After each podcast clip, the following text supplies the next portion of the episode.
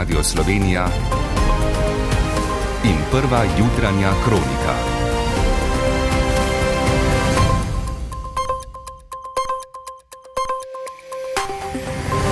Ura je 5 in 30 minut. Dobro jutro. O uvrstitvi Rusije med države, ki podpirajo terorizem, bo danes na predlog poslancev SDS razpravljal pristojni parlamentarni odbor. Koalicija ni naklonjena predlagani resoluciji, zakonodajno-pravna služba državnega zbora pa opozarja, da gre za napačen dokument za izražanje splošnega stališča do zunanje političnih vprašanj. In še mnenje analitika Uroša Esiha. Ko enkrat spremeš eh, tako ostro uh, stališče, če tudi je v precejšnji meri faktično bistveno zmanjšaš tale manevrski prostor diplomaciji. Več po nekaj drugih povdarkih oddaje. Predsednica Evropske komisije von der Leyen v Severni Ameriki o gospodarskih odnosih in Ukrajini. V komunalno opremljeni obrtni coni v občini Dobrepolje še nekaj prostora za nove vlagatelje. Kolesar Pogačar na dirki v Franciji napredoval na drugo mesto, Roglič v Italiji za začetek 12. Rahle padavine bodo do povdne ponehale, popovdne ponekod delno jasno. Z vami sva Dejan Kaloper in Gregor Budal. Odbor državnega zbora za zunanjo politiko bo danes, kot rečeno, obravnaval resolucijo o uvrstitvi Rusije med države, ki podpirajo terorizem. Gre za predlog, ki ga je konec prejšnjega meseca vložilo 27 poslancev SDS s prvo podpisano Jelko Godec. V koaliciji menijo, da resolucija ni potrebna, negativno pa je tudi mnenje zakonodajno-pravne službe državnega zbora. Več Špela Novak. Predlog resolucije so v SDS pripravili na podlagi podobne resolucije Evropskega parlamenta in kot je v predstavitvi predloga dejal predsednik stranke Janez Janša, so se za vložitev predloga odločili zato, ker tega ni storila vlada. Predlog resolucije vlado poziva, da tako kot so to že storile nekatere druge evropske države, tudi Slovenija uvrsti Rusko federacijo med države, ki podpirajo terorizem. Rusija namreč z agresijo na Ukrajino sistematično krši človekove pravice, mednarodno mednarodno pravo, ustanovno listino Združenih narodov izvaja vojne zločine in zločine proti človeštvu. S prejemom resolucije bi Slovenija dala jasno podporo ukrajinskemu narodu in njegovemu boju za naše skupne vrednote. Premijer Robert Golop je v odzivu na predlog sporočil, da je bilo obsod pruske agresije strani Slovenije že veliko in zato ne potrebujemo novih političnih deklaracij.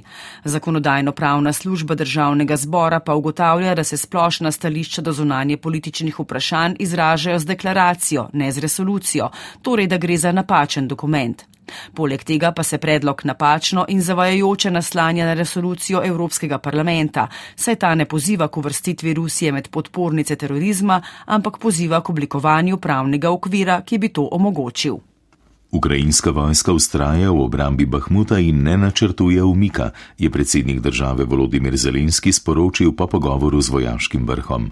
Ob tem je izrazil pričakovanje, da bodo generali našli okrepitve za branilce obleganega mesta. Ukrajina bo tudi ena od tem pogovorov predsednice Evropske komisije Ursule von der Leyen ob večdnevnem obisku v Severni Ameriki, ki ga danes začenja v Kanadi. Govorili bodo tudi o zelenem prehodu in gospodarskih odnosih. Ti bodo v spredju pogovorov tudi ob koncu turneje na srečanju z ameriškim predsednikom Joeem Bidenom iz Bruslja Igor Jurič. Odnose med Washingtonom in Brusljem namreč kazi ameriški zakon o omejevanju inflacije, ki prinaša ameriškim podjetjem na področju zelenih tehnologij spodbude ali davčne olajšave v višini 370 milijard dolarjev. Po mnenju Evropske komisije bi to lahko evropska podjetja postavilo v neenakopraven konkurenčni položaj. Unija si zato želi, da bi z ameriško stranjo dosegli primeren dogovor.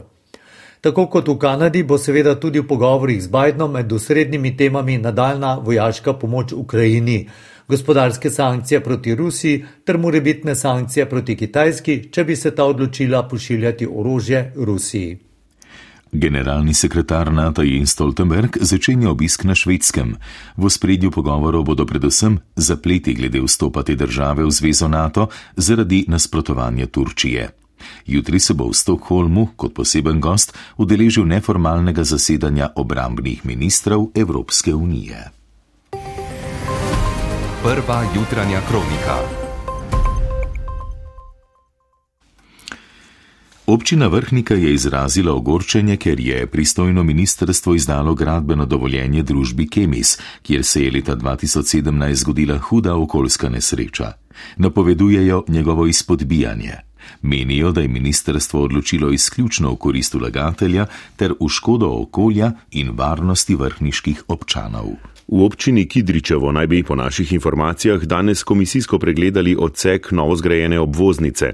Nova cesta, ki mimo naselja vodi do dveh velikih podravskih podjetij, Taluma in Boxmarka, je sicer zgrajena že od jeseni, a še nima uporabnega dovoljenja. Prispevek Gabriele Milošič. Obvoznica naj bi razbremenila promet skozi Kidričevo z novim dovozom v industrijsko cono. Tja naj bi bili, če bo po komisijskem pregledu cesta dobila začasno uporabno dovoljenje, v kratkem vendarle preusmerjeni tovornjaki, ki močno obremenjujejo obstoječo cesto. Župan občine Kidričevo Anton Leskovar.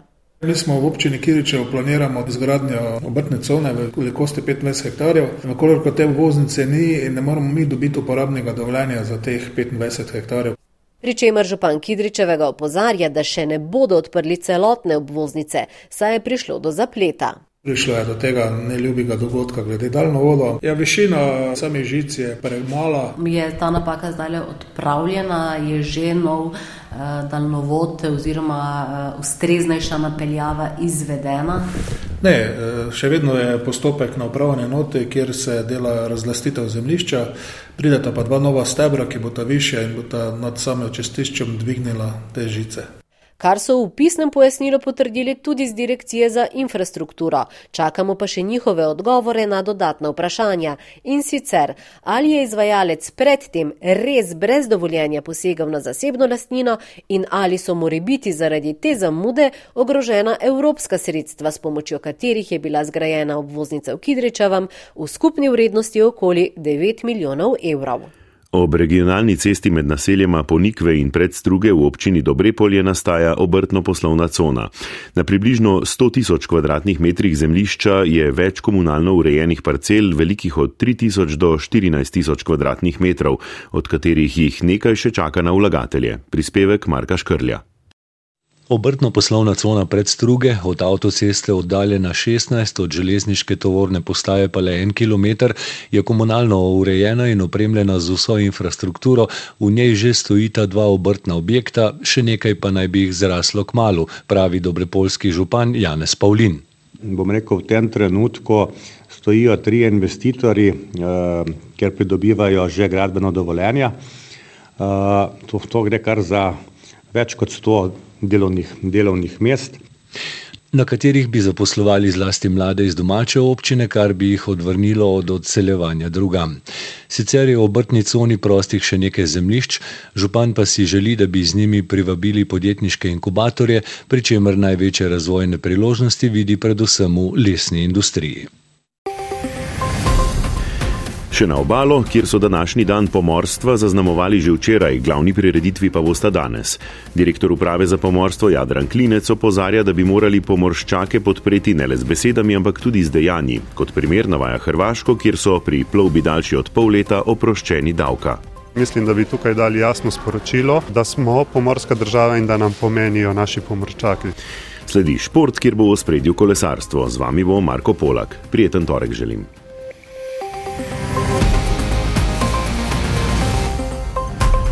Prav nič zatiše na športnem področju ni prinesel prvi dan v tem tednu, po sicer izjemno pestrem zaključku preteklega.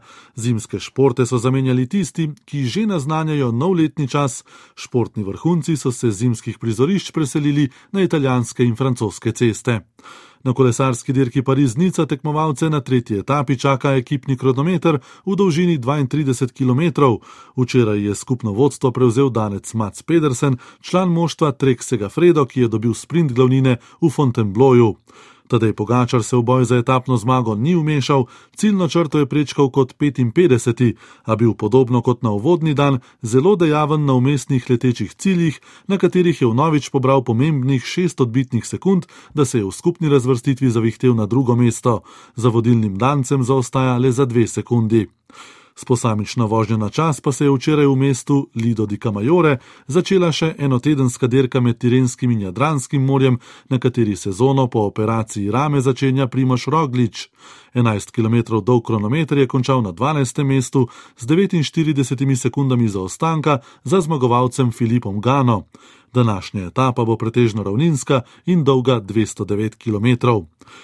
Če bodo dan zaznamovali novi kolesarski boj za vsak centimeter asfalta oziroma vsako dragoceno sekundo, pa bo večer pripadal košarkarski Euroligi s tekmami 27. kroga in predvsem nogometni ligi prvakov. Prvi povratni tekmi osmine finala sta Benfica klub Brugge in Chelsea Borussia Dortmund. Poslušali ste prvo jutranjo kroniko. Voditelj Gregor Budal, napovedovalec Dejan Kaloper, tonski mojster Igor Kropec.